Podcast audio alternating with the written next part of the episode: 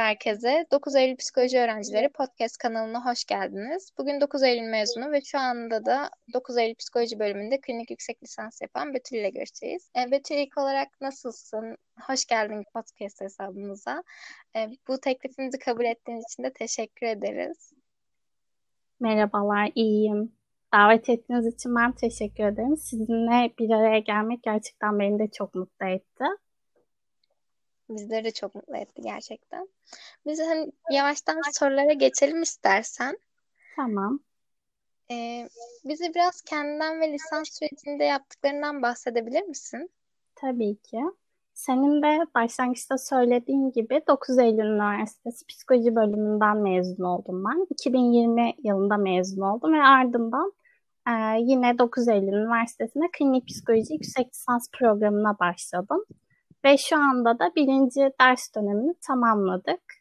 E, ikinci dönemde yine ders dönemiyle devam edeceğiz ve başarıyla tamamlarsam eğer test süreciyle devam ediyor olacağım. Lisans sürecinde yaptıklarımdan bahsedeyim. Böyle ben e, en önemli gördüğüm şeyleri kısaca özetlemeye çalışacağım.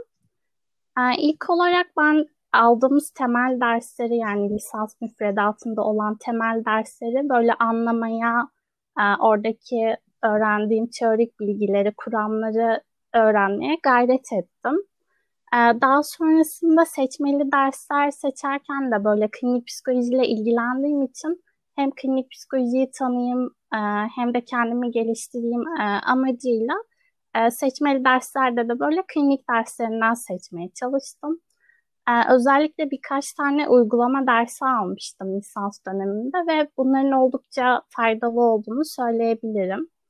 Onun dışında lisans sürecinde e, gönüllü stajlar e, yaptım iki tane.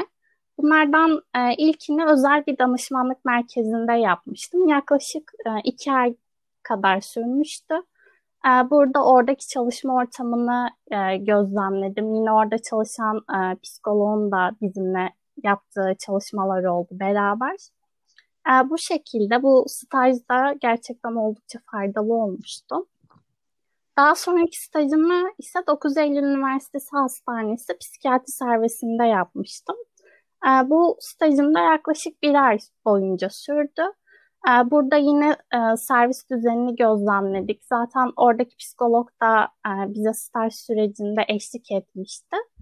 E, bu şekilde stajlar e, oldukça güzel geçti benim için. E, bunlar dışında da gönüllü faaliyetlerde de bulunmaya çalıştım ben lisans döneminde. E, örneğin Türk Psikologlar Derneği İzmir Şubesi'ne çocuk ve ergen birimine katıldım gönüllü olarak. Daha sonra Elim Sende e, adlı bir projede yine yer aldım gönüllü olarak. Bu şekilde ee, bunlar dışında da alanımızda oldukça aktif şekilde aslında konferanslar, sempozyumlar, etkinlikler düzenleniyor. Vakit bulabildiğim kadarıyla bunlara da katılmaya çalıştım. Ee, son olarak da lisans döneminde e, bir arkadaşımla beraber araştırma projesi yürütmüştük. TÜBİTAK kapsamında bir projeydi.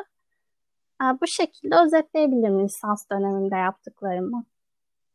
Gerçekten çok güzel şeyler yapmışsın. Hani anladığım kadarıyla da hani lisans sürecinde sürekli kendini geliştirerek devam etmişsin. Ee, peki e, lisans okurken kendini bu kadar geliştirirken yaşadığın bir pişmanlığın var mıydı? Ee, ya da bunu yapsaydım daha iyi olurdu diyebileceğim şeyler nelerdi? Evet tabii ki vardı. Yani senin de söylediğin gibi aslında yani oldukça kendimi geliştirmeye çalıştım ama yine eksik gördüğüm kısımlar oldu tabii ki.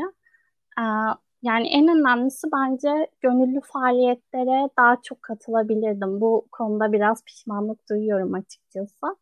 Ee, yine alanla ilgili az önce bahsettiğim gönüllü e, projelere katılmaya çalıştım ama böyle çok kapsamlı, çok uzun süreli e, faaliyetlere katılmadım. E, dediğim gibi bu konuda pişmanlığım var. Aslında yani sadece psikoloji alanından olmasına da gerek yok. Böyle sosyal sorumluluk projeleri e, gibi şeyler de oldukça faydalı bence. Kesinlikle sana katılıyorum. E, buna eklemek istediğin yoksa diğer soruya geçelim istersen. Ee, Tamam. yüksek lisans yapmaya nasıl karar verdin? Hani bu sürecin nasıl ilerledi? Biraz bundan bahsedebilir misin? Hepimiz için önemli bir karar çünkü bu. Düşünüyoruz aklımızın bir köşesinde var ama hani tereddütlerimiz de var. Bize bundan bahsedersen çok iyi olur. Tabii ki. Bölüme başladığımda da e, aklımda olan bir düşünceydi. Böyle zaten bölüme başlarken de bir klinik psikolojiye ilgim merakım vardı. E, ama tabii yüzde yüz kesin olarak ben klinik psikolojiden ilerleyeceğim. Yani kesinlikle yüksek lisans yapmalıyım e, şeklinde değildi tabii ki. E, nöropsikolojiyle de ilgileniyordum. O da ilgimi çekiyordu.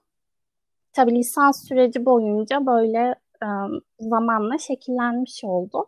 Dediğim gibi aslında başlangıçta da hep kafamda olan bir düşünceydi. Böyle genel olarak araştırma yapmayı sevdiğim için hani yüksek lisans yapabilirim düşüncesi vardı. Sonrasında az önce bahsettiğim gibi klinik psikolojiye e, zamanla ilgim artmış oldu. Aldığım derslerden, e, stajda gördüklerimden. Yani motivasyonumun olduğunu fark ettim. Klinik psikolojide ilerleyebileceğimi fark ettim. E, bu şekilde aslında zamanla yüksek lisans e, düşüncem de böyle kesinleşmiş oldu. Evet. Bu şekilde özetleyebilirim. Ee, şey, mezun olduktan sonra aklında sürekli yüksek lisans vardı. Fakat mezun olduktan sonra bir iş deneyimin oldu mu? Yoksa e, yüksek lisans için başvuru yaptın mı? Ee, şöyle oldu. Ee, sizin de bildiğiniz gibi bizim mezuniyetimiz pandemi dönemine denk geldi. Aslında zaten pandemi başladığı zaman böyle bir dönemimiz kalmıştı. Yıl dönemimiz kalmıştı. Sonrasında işte o dönemi biz pandemi ve online eğitimle beraber tamamladık. Ee, bu süreçte mezun olduktan sonra benim iş deneyimim olmadı. Zaten arada bir yaz dönemi vardı. Ee, onda da böyle işte yüksek lisans sınavı vesaire o süreçle geçti. O yüzden herhangi bir iş deneyimim olmadı. Anladım. Ee, bir de yüksek lisansa başvururken aklımızda sürekli şey var. Tezli yüksek lisans mı yoksa tezsiz yüksek lisans mı? Sen bu ikisi arasındaki farkı bize birazcık anlatabilir misin? Evet anlatabilirim. Bildiğim kadarıyla aktaracağım. Tabii ki ben şu anda tezli yüksek lisans programındayım. Hani e, tesis hakkında böyle çok birebir deneyimim ya da çok fazla bilgim yok. O yüzden bildiğim kadarıyla açıklamaya çalışayım. Yani tezli yüksek lisansta yani adı üstünde ders döneminizi tamamladıktan sonra klinik psikoloji alanında bir tez yazıyorsunuz. Yani tezsiz yüksek lisansta da e, herhangi bir tez yazmıyorsunuz ama yine e, klinik psikoloji alanından dersler alıyorsunuz ve orada e, dönem projesi şeklinde projeler gerçekleştiriyorsunuz. Temel farkı bu aslında. E, peki hani nasıl ayrılıyor? Yani etkisi ne oluyor? Tezli yüksek lisans yapmak ya da tezsiz yüksek lisans yapmak nasıl bir farka yol açıyor? Bence en önemlisi e, doktora yapmaya devam etmek istiyorsanız tezli yüksek lisans yapmanız gerekiyor. Yani tezsiz yüksek lisans tamamladığınızda e, doktora programlarına devam edemiyorsunuz. Betül bize tezli ve te- tezsiz yüksek lisans farkını çok güzel açıkladın. Yani en azından benim aklımdaki bu konudaki soru işaretleri birazcık da olsa gitti. Ee, sen klinik yüksek lisans başvuru sürecinden bize biraz bahsedebilir misin? Hani bu süreçte e, değerlendirme süreci nasıl oluyor? Hangi kriterlere dayanıyor? Ve ya da bu kriterlerin ağırlık de- dereceleri neler? Programa kabul edilebilmek için iş deneyimi gerekli mi? Aslında sen iş deneyimin olmadığını söylemiştin ama hani bu bize bir avantaj sağlıyor mu çok fazla hani? Bunlardan bahsedersen çok iyi olur. Bahsedeyim. Öncelikle değerlendirme kriterlerini özetlemeye çalışayım ben. Okuldan okula aslında ağırlık yüzdeleri ya da kriterler değişebiliyor. Ben genel olarak özetlemeye çalışacağım. Ee, ilk olarak değerlendirme kriterleri e, olarak not ortalaması, ALES puanı, e, bilim sınavı ve mülakat yüzdeleri aslında dikkate alınıyor temel olarak. Ee, burada dediğim gibi değerlendirme yüzdeleri değişebiliyor. Yani ben de başvuru sürecinde e, farklı okulları incelemiştim başvuru şartlarını vesaire. Dediğim gibi yani bu yüzdelerin değiştiğini gördüm. E, ama genel olarak ALES e, puanının yani değerlendirme kriter, kriterinin yüksek bir yüzdesi olduğunu söyleyebilirim. Yani yüzde 50 civarında bir etkisi olabiliyor. Onun dışında not ortalamasının da yine %20-25 civarında bir etkisi var. Ee, bilim sınavı ve mülakat yüzdeleri de dediğim gibi değişebiliyor. Bunun dışında e, başvuru sürecinde dil puanı da önemli bir kriter. E, ama bu da yine programdan programa değişebiliyor. Özellikle programın dilinin ne olduğuna göre değişkenlik gösterebiliyor. E, bazı okullarda genelde Türkçe programlarda sadece bir başvuru şartı olarak yer alıyor. Yani belli bir baraj puanı geçtiğinizde başvurabiliyorsunuz.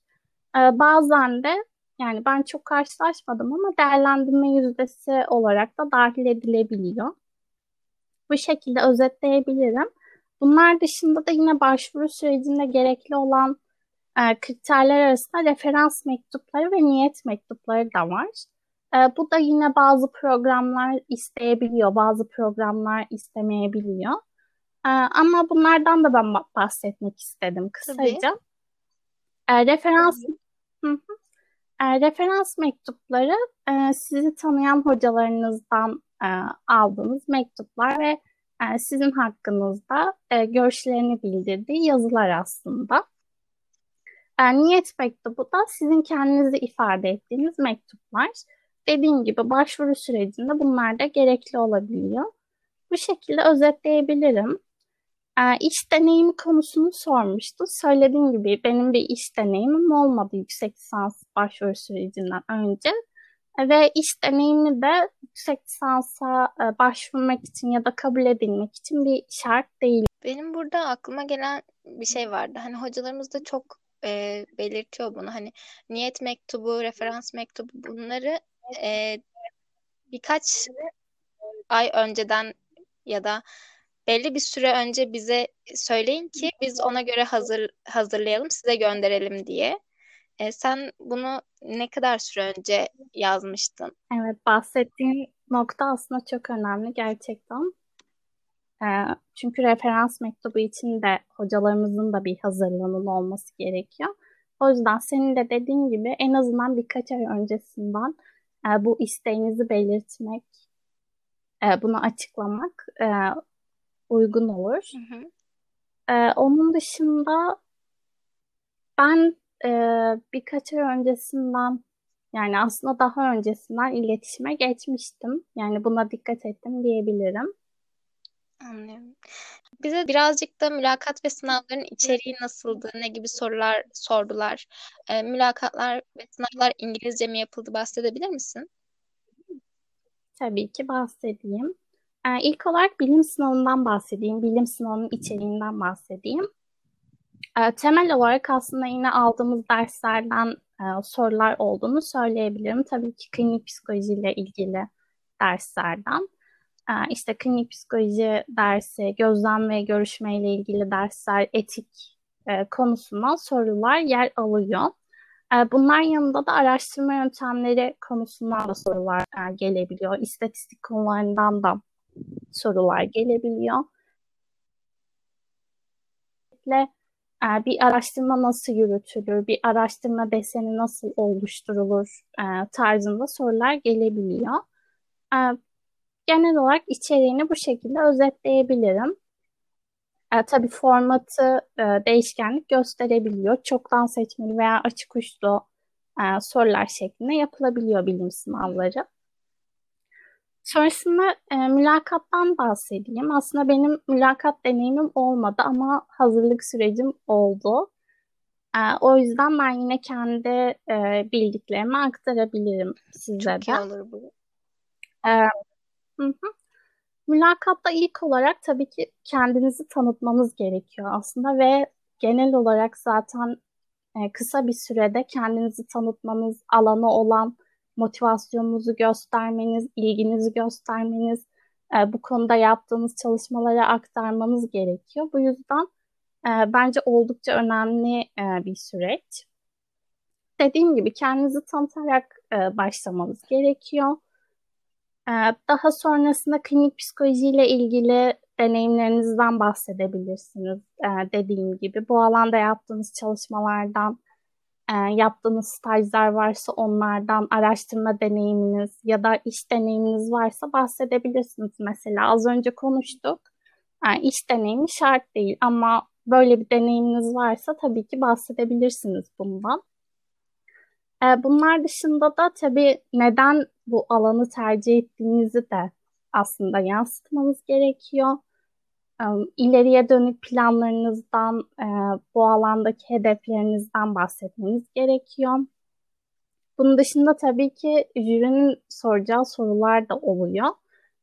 Burada dediğim gibi yine temel bilgilerden aslında sorular gelebilir klinik psikolojiyle ilgili temel kavramları sorabilirler. Onun dışında bence güncel konuları bilmekte de fayda var.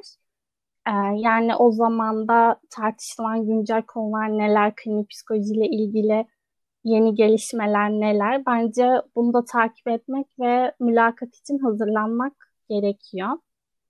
Onun dışında önemli bir diğer nokta bence program hakkında bilgi sahibi olmak. Yani başvurduğunuz programın içeriğini araştırmak, e, ders içeriklerini araştırmak, e, nasıl bir müfredatı olduğunu araştırmak bence oldukça önemli. Örneğin klinik psikoloji için konuşacak olursak özel olarak e, programın yaklaşımı da oldukça önemli. Yani yönelimin ne olduğu da oldukça önemli. Bilişsel davranışçı yönelim mi e, hakim yoksa psikanalitik yönelim mi hakim? yetişkin odaklı bir eğitim mi veriliyor? Çocuk ve ergen odaklı mı bir eğitim veriliyor? Bunlar da oldukça önemli ve e, bunlar hakkında dediğim gibi bence araştırma yaparak, bilgi sahibi olarak e, gitmek de oldukça faydalı. Bu şekilde mülakat sürecinde özetleyebilirim. E, bir de İngilizce yapılıp yapılmadığını sormuştum. Evet. E, ben herhangi bir İngilizce sınava ya da mülakata girmedim. E, bu da e, bence program diline göre değişkenlik gösterebilir. Yani eğer yüzde yüz İngilizce bir programa başvuruyorsanız e, sınavlar mü, mülakatta İngilizce yapılabilir. Ama Türkçe bir programsa örneğin benim girdiğim sınav tamamen Türkçeydi. Bu şekilde özetleyebilirim. Çok güzel özetledin, anlattın. Teşekkürler. Ee, yani. Sen e, klinik yüksek lisans kazandıktan sonra neler hissettin? Biraz bunu öğrenmek istiyorum. Hani bu bundan bahsetmeni istiyorum. Bir de şöyle bir şey takıldı. Hani sen pandemi sürecinde yüksek lisansa girdin. Ee, bu konuda ne hissettin? Hani bize biraz bunu, bunu aktarabilir misin? Evet, anlatayım tabii ki. Ee, kazandıktan sonra ne hissettim? Gerçekten çok mutlu oldum. Çünkü hani çok istediğim bir şeydi benim. Az önce de bahsettiğim gibi yani çok uzun bir süreçti aslında ve uzun zamandır istiyordum. O yüzden gerçekten mutlu oldum. Ve senin de söylediğin gibi pandemi sürecinde mezun oldum ve sonrasında yüksek lisans başvuru sürecim de pandemi döneminde devam etti ve hatta şu an ders dönemim de pandemi döneminde devam ediyor. Yani şöyle özetleyebilirim. Pandemi döneminde mezun olmak zaten aslında hepimiz e, böyle son sınıfta bir mezuniyet stresi, bir e, o deneyimi yaşıyoruz gerçekten. Yani dördüncü sınıf öğrencileri olarak. Ama bir de bunun üstüne pandemi eklenince pandeminin yarattığı belirsizlik, o stres, aynı eğitime geçme, böyle tamamen e, farklı şeyler deneyimleme durumları eklenince gerçekten zor olmuştu aslında. Gerçekten pandemi dönemi hepimizi yordu. Yüksek lisansta da hani sizi çok etkiledi, etkilemiştir mutlaka. E, çünkü Hı. çoğu öğrenciyi bence etkiledi. İyi veya da kötü anlamda bilmiyorum hani. Kendi açımdan söylemek gerekirse beni kötü anlamda etkiledi. Ama hani seni nasıl etkiledi? Ee, aslında geçen dönem yani lisans döneminin son dön e, son yarı yılı da ben de çok bocaladım gerçekten. Birden bir geçiş oldu. Daha önce hani online eğitimle ilgili bir deneyimimiz yoktu. Birden farklı bir şey farklı bir sistemin içine girdik. Başlarda ben de çok bocaladım açıkçası. Ee, ama zamanla alıştım diyebilirim. Ee, yani o dönemin sonuna doğru artık daha bir alışma, daha bir adapte olma e, durumu oldu. Şu an yüksek lisansta açıkçası hani son dönemimi de lisans son dönemini de böyle online eğitimle geçirmenin avantaj mı dezavantaj mı olduğu konusunda ben kızdım. Hani dediğim gibi bir böyle adapte olmuştum zaten. O açıdan belki avantaj olabilir. Ee, ama yani yüksek lisans böyle lisanstan daha farklı açıkçası. Yani derslerin formatı vesaire. Bizim daha aktif olduğumuz bir süreç. Ee, o yüzden e, o açıdan biraz zorluyor diyebilirim açıkçası. Ben de tam o soruya geçecektim. Böyle hani dersler birazcık daha farklı dedin ya. Hani sen kazandın ve girdin klinik yüksek lisansa. Ee, burada kaç ders aldın ve lisans sürecinle benzer miydi dersler? Gerçi farklı olduğunu söyledin ama hani ben, benzer olduğu noktalar var mıydı? Hı hı, tamam ben bahsedeyim o zaman bundan da. E, bu dönem dediğim gibi ilk yarı yıl dönemimizi tamamladık ve toplamda e, 4 dersimiz vardı. E, bunların hepsi aslında klinik psikolojiyle ilgiliydi, yakından ilgiliydi. E, bilimsel araştırma konusunda yine bir ders aldık mesela ama onda da yine yaptığımız çalışmalar, e, ders içerikleri vesaire hep klinik psikoloji alanındandı. E, bu şekilde özetleyebilirim. E, lisans derslerinden benzer ve farklı yönleri vardı tabii ki. E, yani en temel olarak yüksek lisans sürecinde öğrencilerin daha aktif olduğunu söyleyebilirim. Hatta e, yani hocalardan böyle daha aktif bir konumdayız.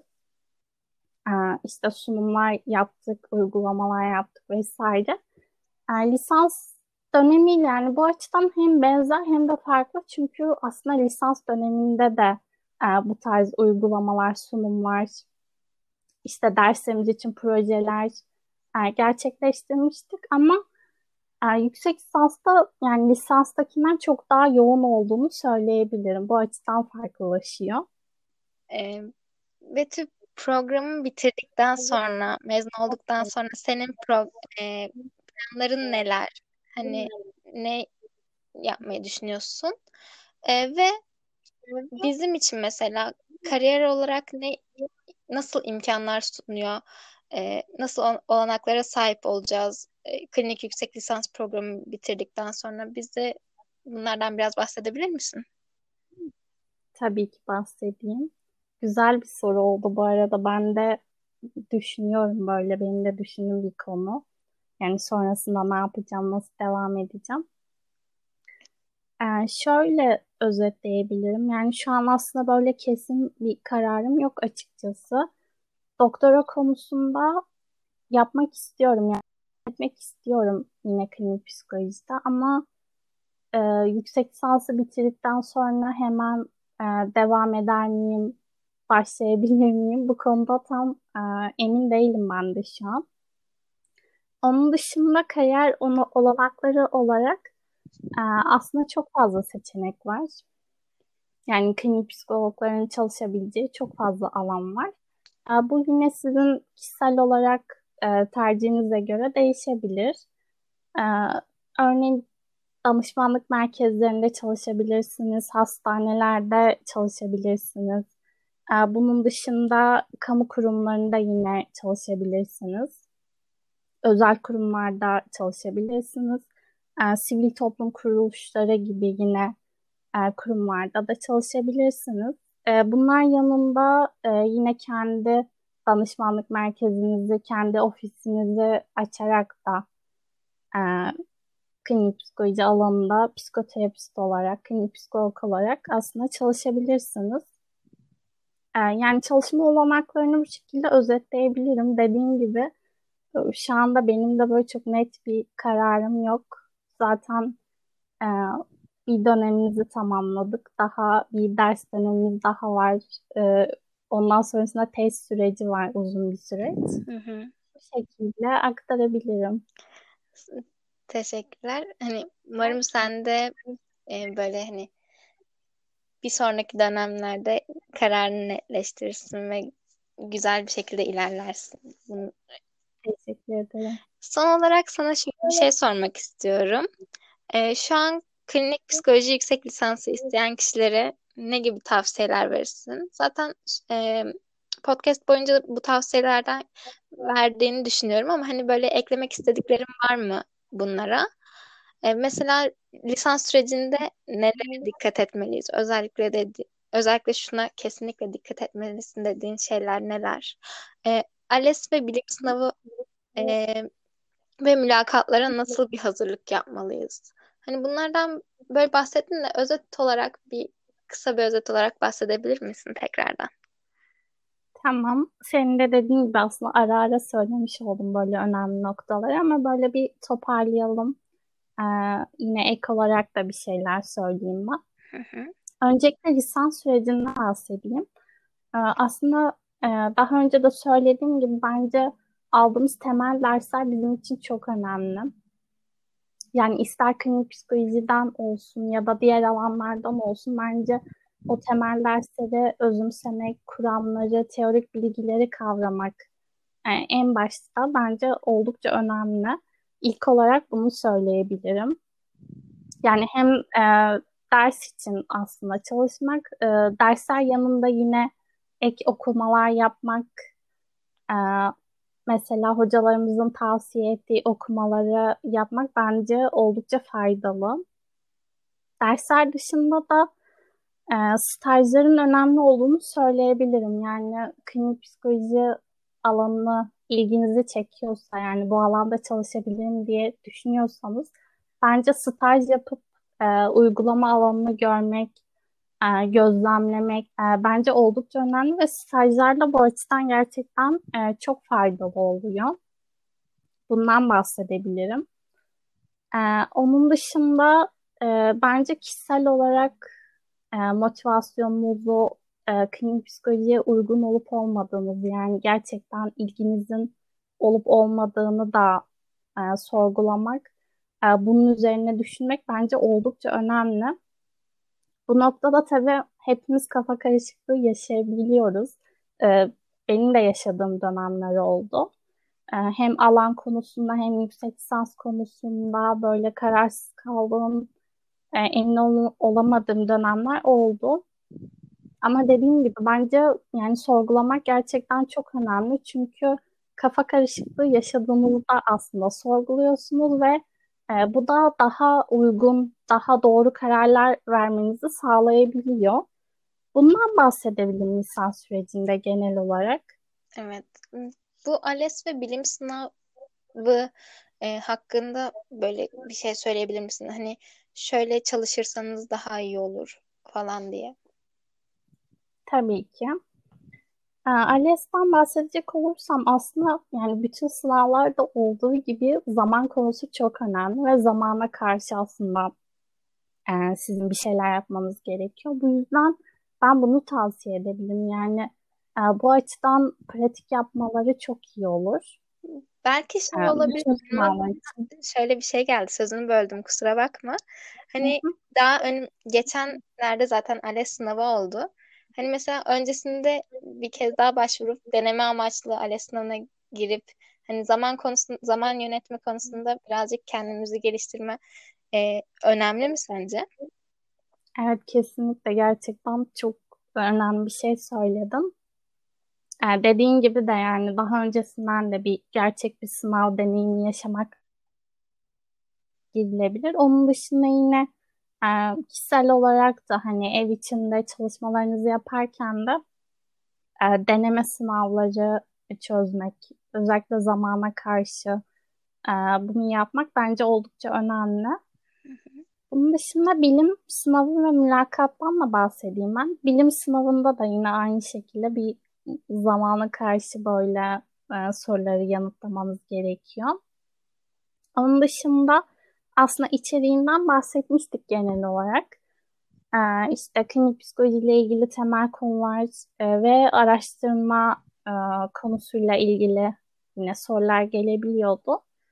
Ee, dediğim gibi bence e, zaten az önce de bahsetmiştim. Hani lisans sürecindeki dersleri e, iyi bir şekilde e, kavramak, oradaki bilgileri öğrenmek bence bilim sınavı açısından da oldukça faydalı.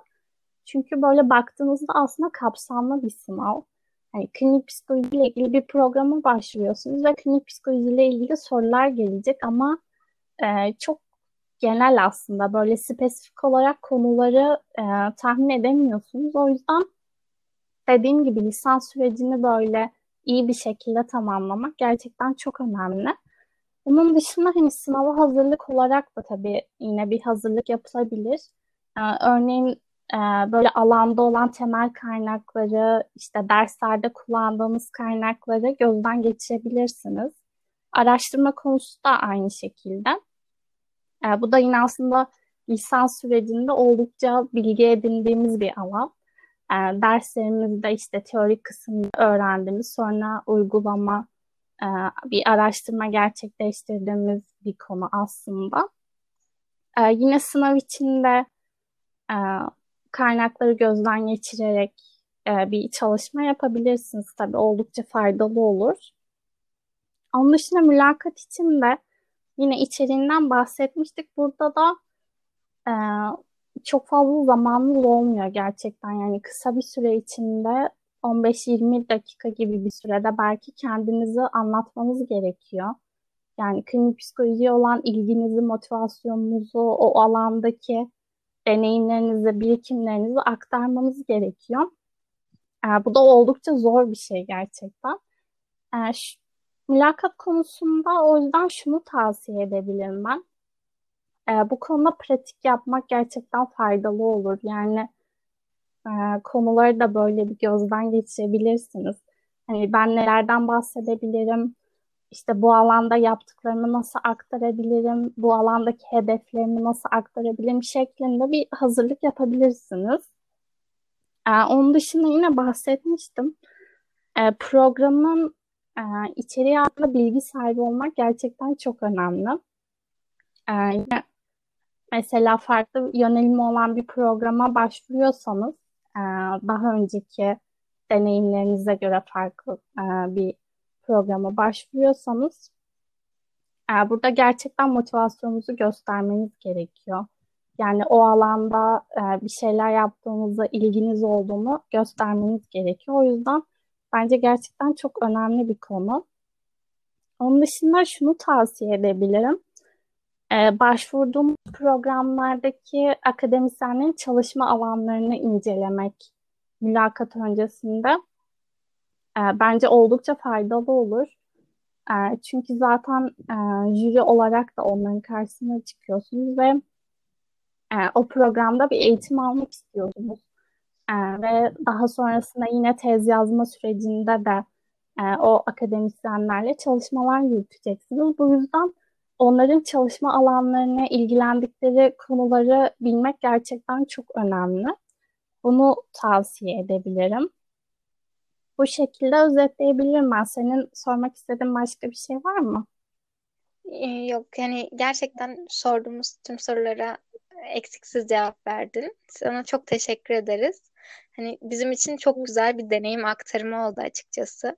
Ben kendi adıma konuşmak ister konuşmam gerekirse bunu söyleyebilirim. Hani e, senin bu verdiğin bilgilerden ileride yararlanacağımı düşünüyorum. E, umarım bizi dinleyen arkadaşlar da e, yararlanabilir bu bilgilerden. Geldiğin için tekrardan çok teşekkür ederiz. E, gerçekten güzel ve keyifli bir akıştı benim için. Ben teşekkür ederim. Benim için de oldukça keyifli oldu gerçekten. Ee, senin de dediğin gibi umarım dinleyenler için de faydalı e, olur. Bildiklerimi ben kendi deneyimlerime aktardım aslında. Bazı sorularda dediğim gibi hani çok fazla e, net bilgim yoktu. Hı hı. Genel olarak böyle kendi deneyimlerimi aktarmaya çalıştım. Yani davet ettiğiniz için tekrar teşekkür ediyorum. Biz teşekkür ederiz. Gerçekten çok verimli geçti. Psikoloji topluluğu olarak da e, teşekkür ederiz kabul ettiğin için.